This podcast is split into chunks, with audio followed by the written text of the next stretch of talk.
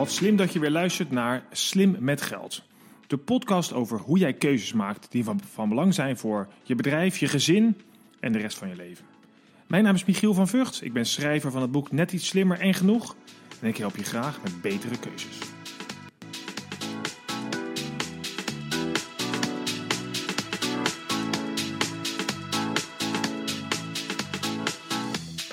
Podcast is mede mogelijk gemaakt door NNEK Vermogensbeheer.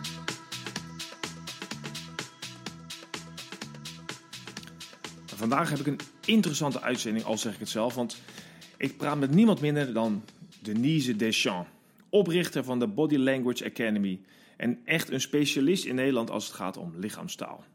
En ik heb een gesprek met Denise over hoe lichaamstaal jezelf beïnvloedt, maar ook hoe je met lichaamstaal andere mensen kunt beïnvloeden, zodat je misschien kunt helpen betere beslissingen te nemen.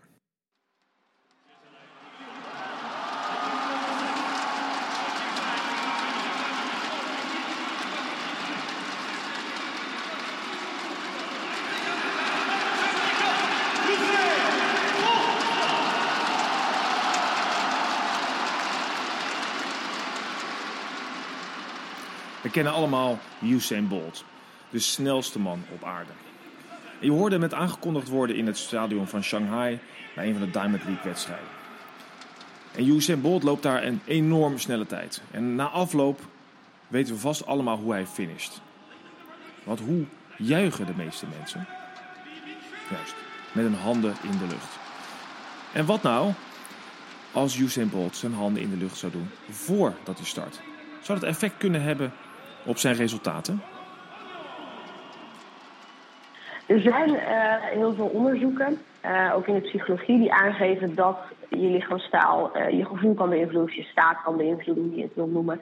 En um, zelfs al kijken naar het gezicht alleen, dus hoe je je gezichtsspieren gebruikt, dat zou al de stofjes in de hersenen beïnvloeden. Dus de hormonen en neurotransmitters die worden aangemaakt. Ooit hoorde ik Amy Cuddy, een psycholoog van Harvard, vertellen hoe je lichaamshouding kan zorgen voor extra testosteron. Dus de houding van Usain Bolt na afloop, als je die vooraf inneemt voor een bepaalde periode, kun je misschien wat extra testosteron aanmaken. De resultaten van die onderzoeken staan wel wat onder druk inmiddels. Maar toch is het wel duidelijk dat je lichaamstaal veel meer invloed heeft op je gestel dan je misschien zou denken.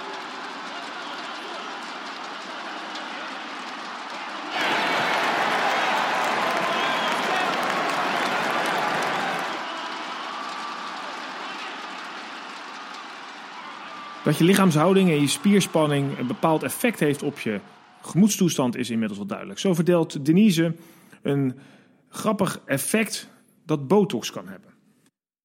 Er is bijvoorbeeld een heel mooi onderzoek die kijkt naar het effect van botox. En mensen die botox uh, spuiten in de ronde spier die om de ogen zit, die verlammen die spier dus eigenlijk een beetje. Dat is het effect van botox. En nou blijkt dat die spier zorgt ervoor dat wij uh, onder andere uh, gelukshormoon aanmaken. En op het moment dat je die spier dus verlamt, maken die mensen daadwerkelijk minder gelukshormoon aan. En zij rapporteren zelf ook zich minder gelukkig te voelen nadat zij uh, die spier wat verlamd hebben door die botox. Dus blijkbaar zit daar wel een verband in tussen het gebruik van bepaalde spieren, al zo klein als in het gezicht, en hoe je je voelt. Ja, dit is natuurlijk hartstikke goed nieuws, want dat betekent dat als je je frons boven je, op je voorhoofd wegspuit, uh, die gaat toch vaak gepaard met zorgen en onrust, dat je misschien ook dan wel wat, uh, wat beter gaat voelen en dat je wat minder zorgen hebt, of niet? um, ja, zorgen maken, daar zitten twee concepten in. Enerzijds rationeel, dus uh, bijvoorbeeld je hebt financiële zorgen en je weet er is te weinig geld aan het eind van de maand of je hebt belegd en je weet dat de koers niet goed gaat. Um, en aan de andere kant is er de emotie, zeg maar, hoe je tegen die situatie aankijkt. En dat zou je dan kunnen beïnvloeden, zeggen ze, door die spieren bijvoorbeeld te verlammen. Maar ik denk rationeel blijft die zorg nog steeds aanwezig. Dus ik denk niet dat je het daarmee oplost in ieder geval. Nee, dat ben ik wel met je eens. Uh, ik merk ook wel in het werk dat ik doe dat het heel belangrijk is dat een financieel adviseur de klant op de, op de hoogte houdt van ontwikkelingen. En juist die ratio is en uh, die emoties die een klant vaak heeft, eigenlijk helpt voorkomen. En dat de beslissingen genomen worden op basis van logica in plaats van, uh, van het gevoel dat er vaak heerst. En de kunst is natuurlijk dan om, om goed te communiceren. En ik weet dat jij heel veel bezig bent met lichaamstaal, hè, zo heet je bedrijf ook, de Body Language Academy. En jij zegt heel vaak, ja, het gaat, gaat over veel meer dan alleen maar de tekst. Kun je daar eens wat meer over vertellen? Ja, ik denk dat communicatie is een heel belangrijk deel van ons dagelijks leven en ook ons werk. Eigenlijk in vrijwel elk werk communiceer je met collega's, met klanten, potentiële klanten, partners. Uh, en we zijn vaak bezig met de hard skills, vooral. Een stukje met soft skills, maar dan vooral bijvoorbeeld gesprekstechnieken of netwerken, dat soort dingen. En vergeten vaak het non-verbale deel. Terwijl het non-verbale deel, dus onder andere je lichaamstaal, stemgebruik, uh, hoe je je gezicht ook gebruikt, dat is minimaal 60% van onze communicatie. Ja, dat, ja natuurlijk. Dat, ik denk dat de meeste mensen dat wel gehoord hebben um, en ook wel herkennen. Want hoe, hoeveel onbewuste communicatie pik je eigenlijk op uit gezichtsuitdrukkingen en hoe mensen bewegen. Daar kun je al heel veel uit opmaken. En toch geloof ik niet dat we er nou heel veel mee bezig zijn, toch? Of wel? Eigenlijk is het nou ja, bijzonder te noemen dat we daar zo weinig aandacht aan besteden. Ik vraag dat heel vaak aan groepen van eh, hoeveel procent is nou non-verbaal? En dan zegt iedereen ja, heel veel, 60, 70, 80, 90 krijg je dan. En hoeveel tijd spendeer je daar nou aan als je je voorbereidt op dingen? Ja, en dan zeggen mensen ja, niet of 5% of 10%. Dat is vaak het antwoord. Terwijl we wel weten dat het heel belangrijk is. Nou, dat deel van de communicatie focussen wij ons op. En dat deel is verantwoordelijk voor bijvoorbeeld of je zelfverzekerd overkomt, of je geloofwaardig overkomt, betrouwbaar, hoe je overtuigingskracht is en ook je gunfactor. Dus meer die gevoelsaspecten in onze communicatie, die zitten hem in het non-verbale. Dus eigenlijk het lezen van lichaamstaal is in mijn optiek de, de, de vaardigheid van de toekomst. Ik had recent een andere podcast met uh, Mitch Anthony en, uh, en, uh, Michelle Hoskin, een Amerikaan en Engelse dame, over de toekomst van financieel advies. En eigenlijk een beetje wat jij ook aangeeft, zeggen zij: focus op de, focus op de soft skills. En eigenlijk in alles wat je doet. Want uh, ja, alles wordt, wordt gerobotiseerd, geautomatiseerd. Dus de kunst is om juist um, contact te maken met mensen en mensen te kunnen lezen en te kunnen snappen. Um, dus zij zegt dat lichaamstaal daar ontzettend belangrijk bij is. En dus moet je het eigenlijk trainen, maar is het makkelijk aan te leren? Ja, goede vraag. Wij zien het het liefst uh, zoals je ook naar een fysiotherapeut gaat. Dus je gaat daarheen met misschien een beetje een, een kromme houding. De schouders te ver naar voren, hoofd te ver naar voren. En de fysiotherapeut die leert jou niet in een uurtje of door een boek te lezen om je houding recht te krijgen. Je gaat daar een aantal keer heen totdat het automatisch wordt om in de rechte houding te zitten. En dat is ook hoe wij het zien. Dus het is niet een trucje wat je op het moment gaat toepassen. Maar het liefst kijken wij naar hoe is je persoonlijkheid en wat past daarbij qua lichaamstaal. En dan ja, het liefst dat dat heel uh, authentiek en congruent is. Dat je dat jezelf aanleert, dat het eigen wordt, zodat daar geen energie ook meer naar uitgaat. Je luistert nog steeds naar Slim met Geld, de podcast over hoe jij betere keuzes kunt maken in je leven en ook met je geld. Voor meer informatie kijk op michielvanvugt.com. Vught met V-U-G-T. Lichaamstaal is iets uh, wat ik erg interessant vind. En tegelijkertijd hoor ik vaak als ik presentaties geef dat mensen zeggen: ja, ja, uh, leuk al die dingen over gedrag en hoe je mensen dus kunt uh, nudgen en het duwtje in de goede richting kunt geven. Maar wordt het ook niet beïnvloeding? En hoe zie jij dat, Denise, als het gaat om lichaamstaal? Kun je daar mensen mee beïnvloeden? Ja, je kan mensen wel beïnvloeden, inderdaad.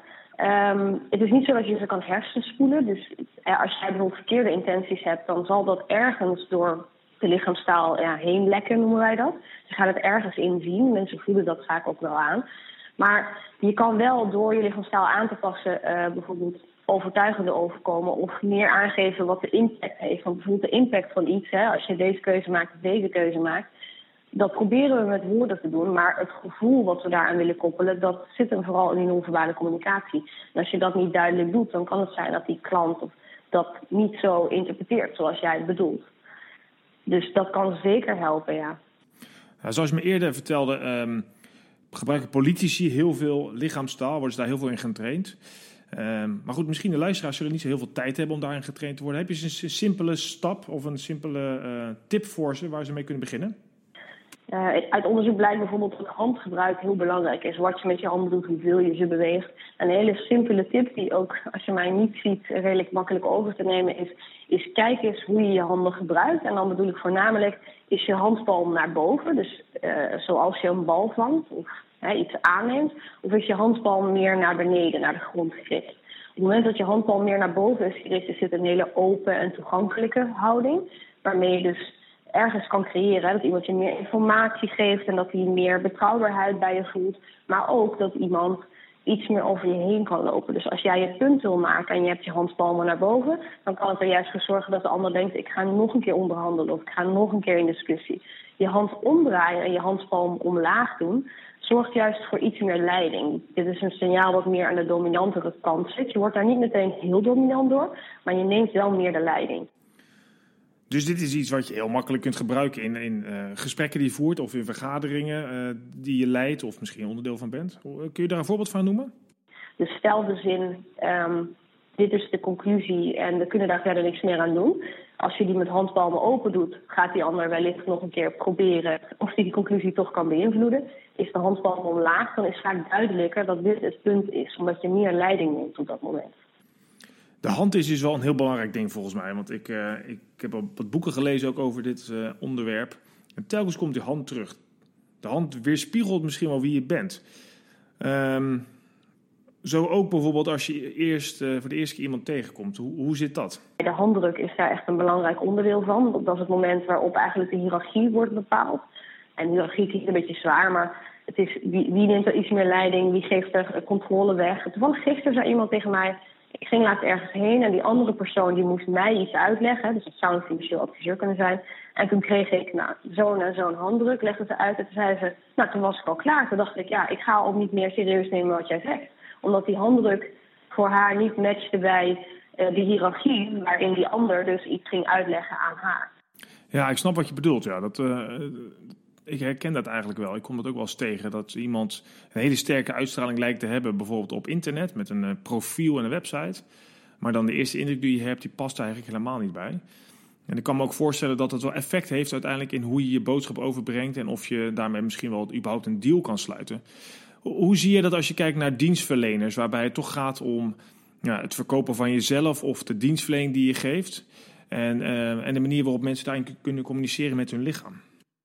De informatie die ze kunnen geven, die is natuurlijk nodig. Maar uiteindelijk, waarom iemand met je in zee gaat, is door hetgene wat hij bij je voelt. Als je ook terugdenkt aan gesprekken die je zelf hebt gehad, vaak onthouden we twee, drie dingen van wat iemand zegt, maar heel goed het gevoel dat iemand je gaf. En het blijkt ook dat rond de 80% van de beslissingen, of koopbeslissingen, zakelijke beslissingen, die worden genomen op basis van gevoel en niet op basis van informatie. Bovendien, tegenwoordig is natuurlijk heel veel concurrentie. Er zijn minstens een paar honderd andere mensen die doen wat jij doet. Dus waarom zou die klant hè, met jou in zee moeten gaan? En vaak zit hem dat in gevoel. Vertrouw ik jou? Vind ik je aardig? Ook bijvoorbeeld het no-like-trust-principe. Dat zit hem heel erg in die non-verbale communicatie. En dat is waarom dat zo belangrijk is. We zijn allebei van overtuigd, denk ik, dat het gedrag, en in jouw geval ook het gedrag van het lichaam, heel belangrijk is in zowel de zakelijke als uh, persoonlijke dienstverlening van de toekomst. Maar ik ben ook nog wel eens benieuwd, hoe ben je hier nou in terecht gekomen? Want je bent ooit psycholoog geworden en toen ben je toch in de lichaamstaal gerold. Wat is er gebeurd? Wil je dat eens vertellen? Toen op een gegeven moment, halverwege de twintig, werd ik heel erg ziek. Toen heb ik kanker gehad. En um, toen op een gegeven moment lag ik in het ziekenhuisbed. Ik was ontzettend moe en ik was zo moe dat ik niet meer kon volgen wat daar om mij heen gezegd werd. Mijn brein kon gewoon die woorden niet meer tot zinnen maken. Dus het was een soort ja, geluidsbrei eigenlijk. En toen merkte ik dat ik nog wel heel goed kon zien wat er allemaal aan de hand was. Hoe iedereen zich voelde, hoe de onderlinge verhoudingen waren. Uh, de stemmingen van mensen. Wie, wie was er verdrietig, wie was er hoopvol, wie wilde de ander wel helpen, wie niet. Dat kon ik allemaal nog heel goed zien.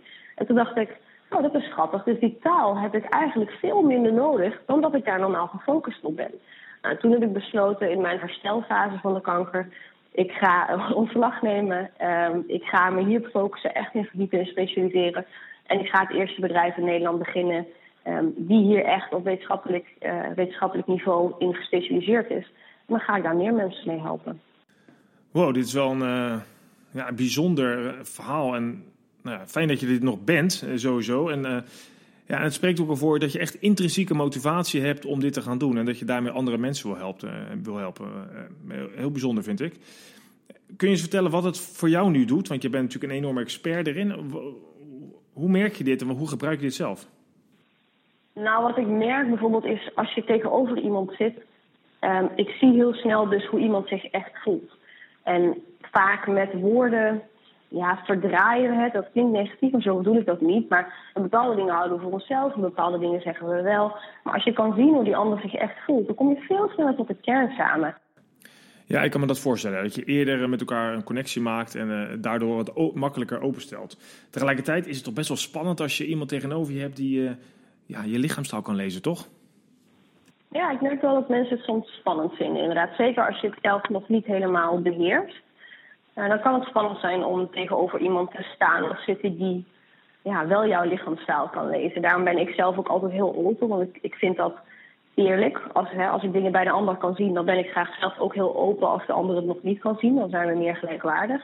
Er zijn mensen die het heel ongemakkelijk vinden, die dan dus liever niet met mij in gesprek gaan. Het is ook niet zo dat ik gedachten kan lezen of zo. Dus mensen maken het vaak ook spannender dan dat het is. Zolang je niks te verbergen hebt, je bent niet aan het liegen, is het vaak eigenlijk in de praktijk heel fijn dat de ander vrij snel ziet wat er in je omgaat. Nou, een mooi pleidooi om meer je lichaamstaal te leren lezen uh, en het ook zelf misschien beter te gebruiken. Nu voor de luisteraars die bij een afspraak aankomen of zo meteen uh, thuis zitten of met iemand in gesprek gaan. Wat is nou eens een leuke tip om, uh, om mee af te sluiten? Waar, waar heb je zelf altijd veel interesse in en vind je zelf een mooi verrassend, verrassend effect van de taal van, van je lichaam? Nou, bijvoorbeeld de zelfvoorziende signalen zijn wel interessant. En een van de sterkste daarvan is wanneer we met de platte hand in de nek schrijven. Daarbij beginnen de, voor de uiteinden van de vingers achter in de nek. En de handpalm is tegen de zijkant van de nek. En die wrijft dan naar voren, waarbij de handpalm dus loskomt en de vingers de rest van de nek raken. Als je dat uitvoert, dan begrijp je wat ik bedoel. Ja, ik wil het wel um, Ja, precies. Nou, dit signaal is een sterk zelfstroostend signaal. Dat betekent, ik voel me hier ongemakkelijk bij. Dus stel dat je aan je kinderen vraagt: hey, hoe was het op school vandaag? Of uh, was het proefwerk goed gegaan? Of je vraagt aan je vrouw: um, hey, die ene collega, daar was toch echt niks mee aan de hand? Hè? Of nou, wat dan ook. Uh, en iemand doet dat zo, dat schrijven. Dan kan het betekenen dat diegene zich daar erg ongemakkelijk over voelt. Daar zorgen over heeft. En zelfs dat diegene die situatie die jij creëert, dus die vraag, dat dat zo ongemakkelijk is dat die persoon liever uit die situatie zou willen. Nou, dat wordt dus letten op de hand. Hoe geef ik een hand? Hoe ontvang ik een hand? Wat gebeurt er met de handen tijdens een meeting? En wat doet de hand in de nek? Maar ik ben ervan overtuigd dat er nog veel meer te leren is. En dus ik raad mijn luisteraars vooral aan om naar de Body Language Academy te zoeken. Naar de Denise Deschamps. Dankjewel Denise voor een interessant gesprek met je. En ik blijf je zeker weten volgen. Bedankt voor het luisteren. Kijk voor meer informatie vooral op michielvanvugt.com. VUGT of voor financiële adviseurs op nnk-kennis.nl. Tot snel!